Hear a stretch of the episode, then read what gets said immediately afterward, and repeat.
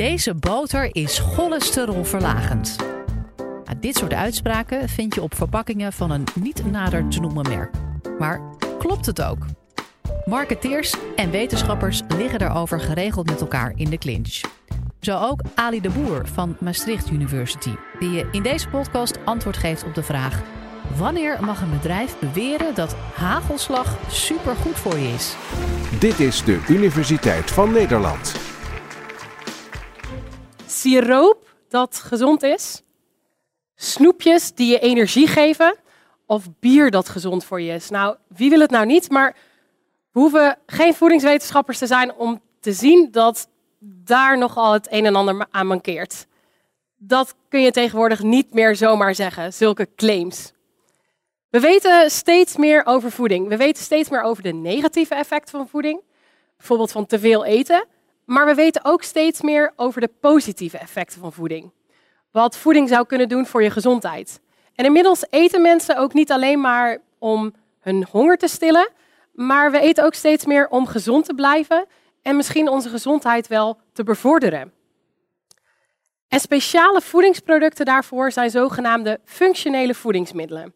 Voedingsmiddelen waar een ingrediënt uit is gehaald, bijvoorbeeld vet, of waar juist iets aan toegevoegd is, bijvoorbeeld vezels.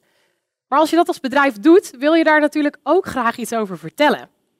En die communicatie, dat vind ik nou zo interessant. Ik ben als voedingswetenschapper dan ook heel erg geïnteresseerd in het regelen van die communicatie. En hebben we daar nou wetgeving voor en hoe zit die wetgeving dan in elkaar? En wat is het effect van die wetgeving op consumenten en op innovatie? Maar voor ik jullie meeneem in die wet zelf, wil ik jullie eigenlijk meenemen naar een aantal jaar geleden. Want waarom hebben we eigenlijk voedingswetgeving? In Nederland hebben we ons voedingswetgevingssysteem afgestemd op de Europese Unie. En in de Europese Unie was men in de jaren 90, eigenlijk tot de jaren 90, vooral bezig met het gelijktrekken van wetgeving die we op nationaal niveau hadden. Dus we wilden zorgen dat als je iets kon verkopen in Nederland, dat ook gewoon kon verkopen in Duitsland. Maar toen een aantal voedingscrisis voorbij kwamen, zoals de BSE-crisis in de jaren 90, realiseerde men zich, oh, we moeten ook op iets anders gaan letten. We moeten niet alleen dat economische aspect in de gaten houden, maar we moeten ook onze consument beschermen. We hebben het hele wetgevende kader omgegooid en we zijn ons meer op die consument gaan richten in de Europese Unie. Onder andere zijn we toen ook claims gaan regelen. Alles wat maar gezegd werd over voedingsmiddelen. En in 2006 resulteerde dat in de Voedings- en Gezondheidsclaimsverordening. En die heeft ten doel om een consument te beschermen tegen misleiding en om innovatie te stimuleren. En daarnaast voorkomt hij ook nog dat een medische claim op een voedingsproduct gezet wordt. Want dan word je gezien als medicijn. Waar heb ik het nou over als ik het over claims heb? Nou, ik noemde net al voedings- en gezondheidsclaims. Een voedingsclaim gaat puur over de inhoud van je voedingsproduct. Bijvoorbeeld ehm, dat, dat er vitamine C in zit. Een gezondheidsclaim gaat over het effect van dat stofje op jouw lichaam. Bij een voedingsclaim hebben we twee soorten claims. Een inhoudsclaim, dat iets een bron van vezels is of rijk aan vezels. En bij het ene, de bron van hoef je iets minder erin te hebben dan bij rijk aan. En dat staat allemaal gespecificeerd in de wet. We hebben ook de zogenaamde vergelijkende claim. En dan kom je bij een claim zoals light. En daarin wordt één product van eh, binnen een bepaalde productcategorie met de andere soorten vergeleken. Dus bijvoorbeeld een zak chips kan light zijn als het 30% minder calorieën, 30% minder vet of 30% minder koolhydraten bevat. En dan die gezondheidsclaims. Als je het hebt over wat het eten van een voedingsmiddel met je doet, heb je het over die type claims. In de Verenigde Staten mag je vrij veel zeggen over wat voeding met je zou kunnen doen. Maar dan krijg je termen als may affect, may reduce the risk of heart disease bijvoorbeeld. In de EU werken we daar niet mee. Hier moet namelijk ook nog een disclaimer op dat het door de autoriteit, voedingsautoriteit in Amerika niet gecheckt is. In Europa doen we alleen maar aan claims waar we overtuigend bewijs voor hebben. Gezondheidsclaims zijn weer onder te verdelen in vier soorten, vier soorten claims. Uh, allereerst de algemene functieclaim. Dat vitamine C nodig is voor je weerstand. De tweede is een nieuwe functieclaim. Want die vorige claim is heel erg gebaseerd op algemeen aanvaard wetenschappelijk bewijs, wat we al een x aantal jaren weten. Het staat in de tekstboeken. Maar die nieuwe functieclaim is door nieuw wetenschappelijk onderzoek ontdekt. En bijvoorbeeld dat suikerbietvezels ervoor zorgen dat je meer poep hebt.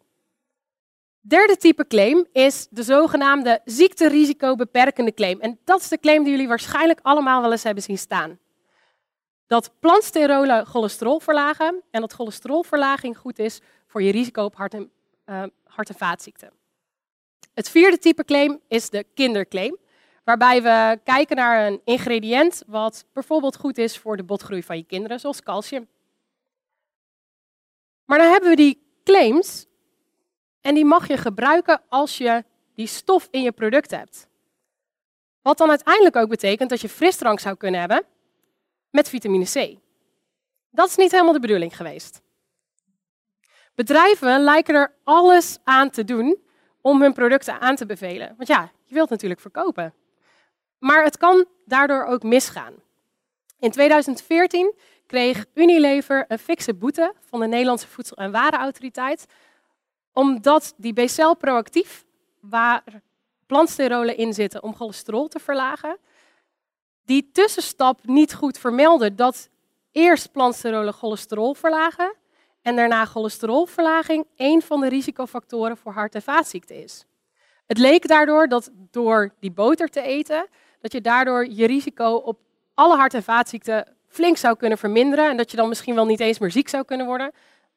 Maar dat lijkt dan weer op een medicijn. Dus ze kregen een flinke boete voor een medische claim. Uiteindelijk is de claim aangepast en is die tussenstap dus ook veel duidelijker voor een consument te zien.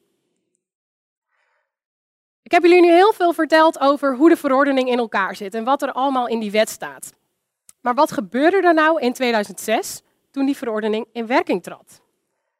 Er kwamen in 2008 in totaal 44.000 claims, zelfs nog wat meer, bij de Europese Commissie binnen. Dat werd allemaal geclusterd en toen kwam men erachter dat er eigenlijk 5000 unieke claims in zaten. En toen kwam het goedkeuringssysteem wat in de wet staat beschreven. We hebben de Europese Voedsel- en Veiligheidsautoriteit. Die kijken naar het bewijs wat aangeleverd is bij zo'n claim. En als zij het eens zijn met de bewijsvoering, geven ze de Europese Commissie hun fiat eigenlijk. En dan zeggen ze, ja, we zijn het ermee eens. Of nou, volgens mij mist er nog het een en ander aan bewijs om dit nu goed te keuren. En de Europese Commissie zegt uiteindelijk, ja, je mag deze claim gebruiken. Of nee, dit laten we nu niet toe. In dat goedkeuringssysteem van de Europese Voedselveiligheidsautoriteit zit een check van allereerst, wat is het ingrediënt eigenlijk? Weet je wel precies welke stof in jouw voedingsproduct dit gezondheidseffect veroorzaakt? Ten tweede, is dat effect wel echt gezond voor een mens? Bijvoorbeeld, als jij minder gasvorming hebt in je darmen, is dat dan positief of negatief voor je gezondheid? En ten derde moet je natuurlijk aan kunnen tonen dat het innemen van het product ook uiteindelijk tot het gezondheidseffect leidt.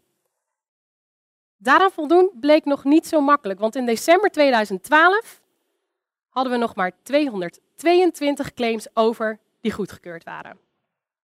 En waar zat dat hem nou in? Nou, het bewijs om, om voedingsmiddelen uh, goed uh, te bestuderen, dat bewijs daarvoor aan te leveren, dat is niet zo makkelijk.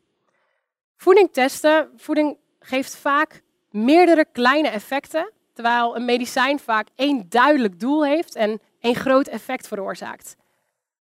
Maar bij voeding zien we vaak vele kleine, subtiele effecten. En nu moest je er eentje uitpikken waar je al het bewijs voor rond kon krijgen.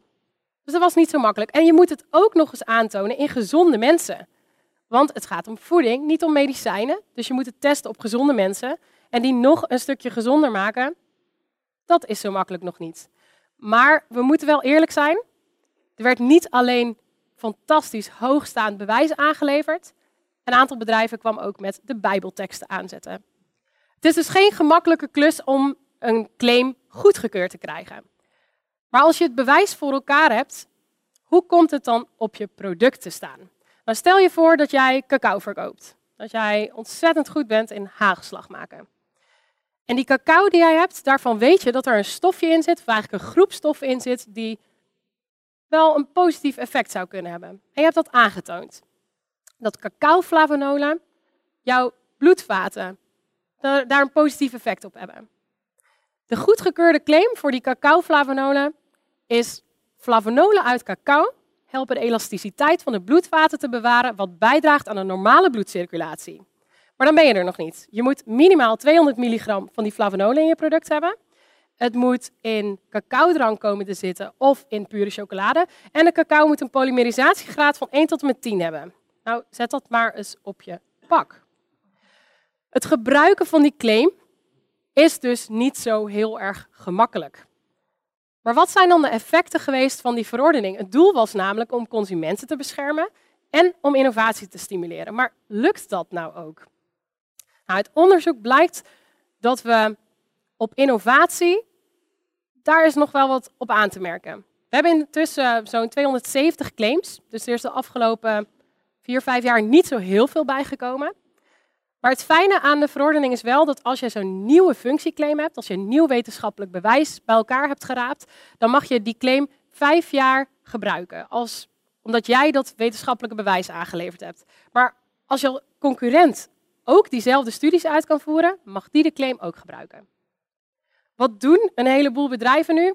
Jammer genoeg kiezen ze vaak voor die goedgekeurde claims. De claims waar het bewijs allemaal voor rond is. En dan zorgen ze dat ze genoeg van dat ingrediënt in hun product hebben. Zodat ze toch een gezondheidsclaim op hun verpakking kunnen zetten. En die consument, nou, dat is nog best wel lastig. Daar spelen een aantal zaken mee. Allereerst weten we nog altijd niet helemaal zeker of een consument nou echt naar dat label kijkt. En kijkt hij nou op een andere manier naar een voedingsclaim, dat er vitamine C in zit, of naar een ziekterisicoreductieclaim? We weten het gewoon niet zeker. Ten tweede bleek in een Duitse studie dat een heleboel consumenten de claims niet vertrouwden. Ze zeiden ja, een bedrijf mag alles maar zeggen. Um, hoe weet ik nou dat het echt waar is? Dit was in 2013, toen we de verordening dus al zeven jaar hadden. Maar mensen wisten helemaal niet van het bestaan van de Europese Voedselveiligheidsautoriteit, van het hele goedkeuringssysteem. Ten derde heb je natuurlijk ook te maken met marketing. En als jij op een verpakking ziet dat er volkorenoliebollen zijn, of speldpepernoten. Ja, dat wordt niet geregeld in deze verordening. Die heeft het alleen maar over voedings- en gezondheidseffecten. Dus kun jij het verschil zien tussen marketing en claims? Dat is ook weer niet zo heel erg makkelijk. Want misschien triggert jou dit wel om net die volkoren oliebollen te kopen in plaats van de gewone oliebol. En als laatste is het natuurlijk belangrijk om te kijken naar je algehele dieet. Je kunt natuurlijk kijken naar producten die passen binnen jouw dieet. Uh, dat jij bijvoorbeeld je cholesterol weer wil verlagen. Dan kun je die boter daar natuurlijk voor kiezen. Maar uiteindelijk gaat het ook om de balans in je gehele dieet. Als we nou teruggaan naar die vraag, wanneer mag een bedrijf beweren dat hagelslag supergoed voor je is? Nou, super gaat er nooit op komen te staan. Goed, dat mag als je het kunt koppelen aan zo'n goed, goedgekeurde gezondheidsclaim. Die hadden we voor cacao, dus die kun je mooi op hagelslag gebruiken. Dan moet je dus aan alle voorwaarden voldoen. En als je dat halve boekwerk op de verpakking wil krijgen, daar kan je marketingafdeling mooi mee aan de slag.